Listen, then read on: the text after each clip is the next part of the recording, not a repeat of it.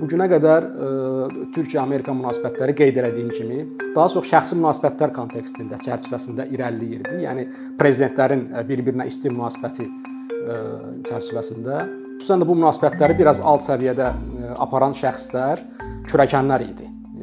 Trampın kürəkəni Kuşner və Ərdoğanın kürəkəni Türkiyənin Xəzinə və Maliyyə naziri keçmiş Berat Albayrak idi.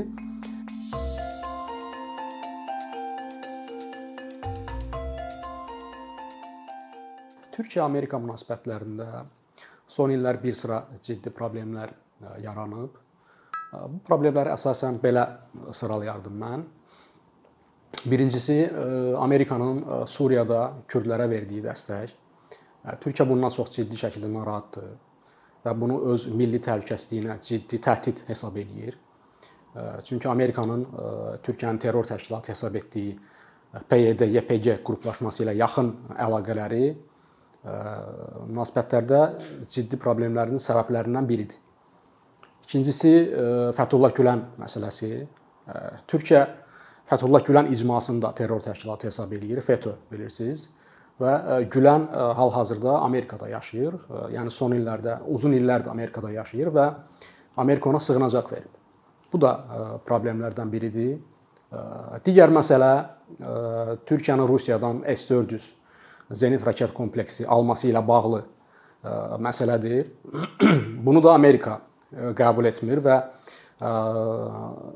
NATO-nun hava hücumundan, hava və raket hücumundan müdafiə sistemi ilə Rusiya sisteminin bir-biri ilə uyğunlaşmayacağını bildirir. Eyni zamanda Amerika ciddi şəkildə narahatdır ki, S-400 kompleksi əgər Türkiyə F-35 hərbi təyyarələrini alarsa, S-400 həmin F-35-in sirlərini oğurlayacaq, belə deyək. Bu səbəblə Amerika F-35-ləri bu günə qədər də Türkiyəyə verməyib. Halbuki Türkiyə 6 ədəd F-35 hərbi təyyarəsi almalı idi ilk mərhələdə. Hətta pulunu da ödəmişdi, amma buna baxmayaraq Amerika həmin təyyarələri Türkiyəyə vermədi. Hətta Türkiyəni F-35 proqramından çıxartdılar. Halbuki Türkiyə F-35 proqramının iştirakçısı olan 9 ölkədən biri idi. Yəni sırf alıcı kimi deyil, həm də istehsalçı kimi həmin layihədə yer almışdı. Amerika hal-hazırda Türkiyəni həmin layihədən çıxarıb. Digər məsələ isə Halkbank qalmaqalıdır. Daha doğrusu Rıza Zərrab qalmaqalı. Bu qalmaqalla bağlı Amerikada istintaq prosesi gedir. Halkbankın İrana qarşı tətbiq olunan BMT sanksiyalarını pozması, yəni Amerikanın problem hesab etdiyi məsələ budur. Halkbank da həmin o sanksiyaların pozulması əməliyyatlarında iştirak edən Türkiyə Dövlət Bankıdır. İndi bununla bağlı Amerikada son illər istintaq və məhkəmə prosesi gedir və Halkbankın külli miqdarda cərimə olunması təhlükəsi var. Bu da iki ölkə arasındakı problemlərdən biridir. Amma Tramp dövründə Trampla Ərdoğan arasındakı şəxsi münasibətlərə görə, yaxın münasibətlərə görə prezident Tramp bu məsələlərlə bağlı, yəni S400 və Halkbank məsələsi ilə bağlı Türkiyə sanksiya tətbiq olunması təşəbbüslərini mümkün qədər əngəlləyib. Yəni xüsusən Konqres Türkiyəyə qarşı biraz aqressiv münasibətdədir və Konqresdə bu sanksiyalar gündəmə gəlib, hətta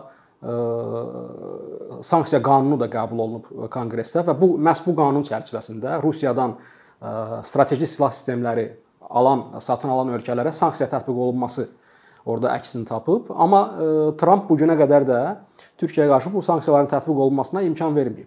Məhz bu səbəblə Trampa Türkiyənin hazırki iqtidarı tərəfindən çox isti münasibət var idi. Hətta son seçkilərdə Türkiyə ənənəvi hakimiyyətinə yaxın, yəni prezident sarayına yaxın ənənəvi mediada və sosial media hesablarında açıq-aşkar Türkiyə hakimiyyətinin Trampın seçilməsini arzuladığı yönündə yazılar və təhlillər dərc olunurdu. Yəni Türkiyə istəyirdi ki, Türkiyə hakimiyyəti daha doğrusu istəyirdi ki, Donald Trump hakimiyyətdə qalsın.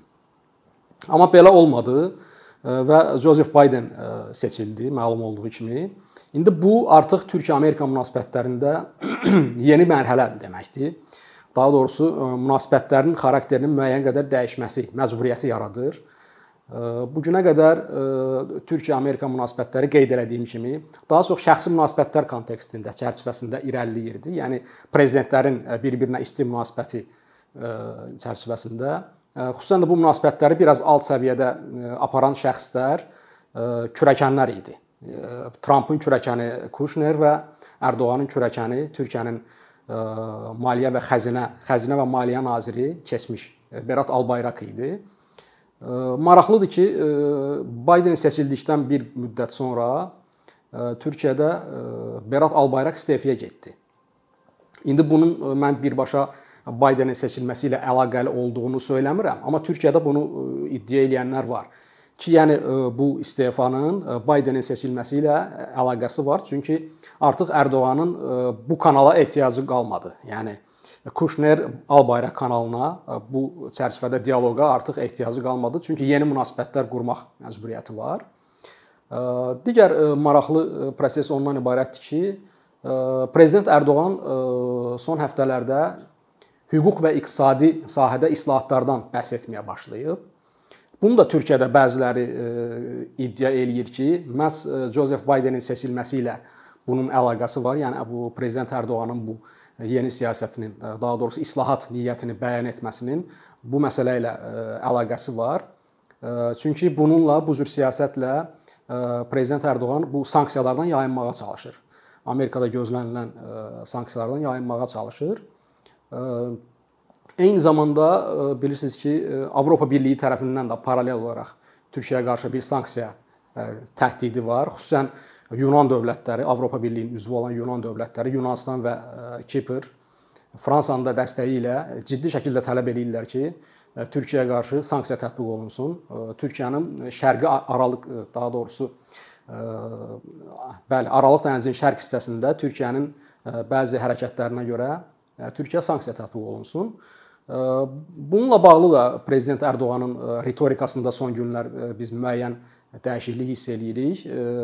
Ərdoğan bəyan etdi ki, Türkiyə Avropa Birliyinə inteqrasiya olmaq istəyir. Türkiyənin yolu Avropa yoludur. Biz Avropa ilə yaxınlaşmaq istəyirik.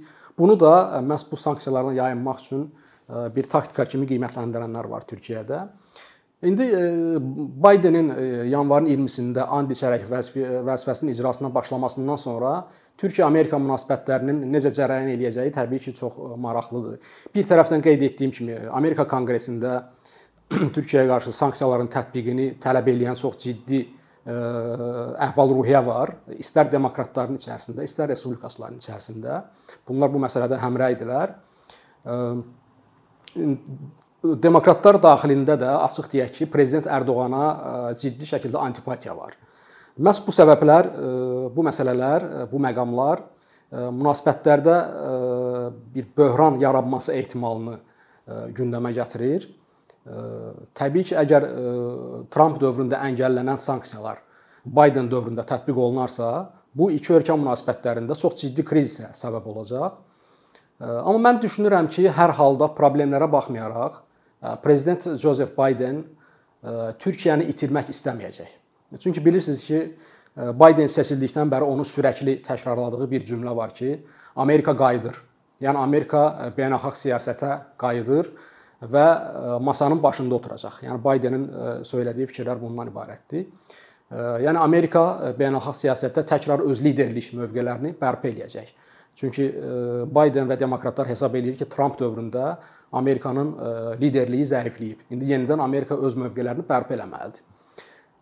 Eyni zamanda Baydenin əsas qeyd elədiyi bu Amerika maraqlarına qarşı ciddi təhlükə kimi göstərdiyi əsas dövlət Rusiyadır. Yəni o bildirir ki, bizim maraqlarımıza əsas təhlükə törədən Rusiyadır. Əsas rəqibimiz də Çindir.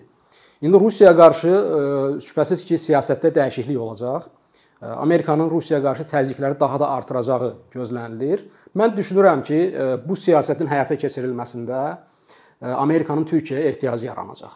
Çünki Türkiyə öz regionunda, daha doğrusu müxtəlif regionlarda, istər Orta Şərq, istər Qara dəniz, Aralıq dənizi regionunda, istər Şimali Afrikada, istər Balkanlarda, istərsə də Qafqazda. Yəni bu regionların hamısında Türkiyə çox önəmli oyun, regional oyunçudur. Və belə bir dövləti mən düşünürəm ki, nə qədər problemlər olursa olsun münasibətlərdə, düşünürəm ki, Amerika belə bir müttəfiqi, yəni Türkiyə kimi müttəfiqi itirmək istəməyəcək. Çünki Baydenin yeridəcəyi siyasətdə qeyd etdiyim kimi Türkiyəyə ciddi ehtiyacı yaranacaq. Ona görə mən hesab eləyirəm ki, Bayden dövründə Türkiyə-Amerika münasibətləri biraz enişli yoxuşlu cərəyan eləyəcək. Amma bununla yanaşı hər iki tərəf, yəni istər Amerika tərəfi, istərsə də Türkiyə tərəfi bu müttəfiqliyi qırmaqda maraqlı olmayacaq. Prezident Ərdoğan da kifayət qədər praqmatik siyasətçidir. Yəni münasibətlərdəki problemlərə baxmayaraq Prezident Ərdoğan istər Amerika ilə, istərsə də digər problem münasibətlərdə problem olan ölkələrlə münasibətləri inkişaf elətdirməyi bacarır. Yəni çox çevik siyasətçidir. O münasibətlərdə ilişib qalmır heç vaxt. Sabahkı günə baxır və münasibətləri inkişaf elətdirməyə çalışır. Ona görə mən düşünürəm ki, istər Amerika tərəfi, Amerikanın yeni hökuməti, istərsə də Türkiyə hökuməti bu münasibətləri problemlərlə bərabər inkişaf elətdirməyə çalışacaqlar.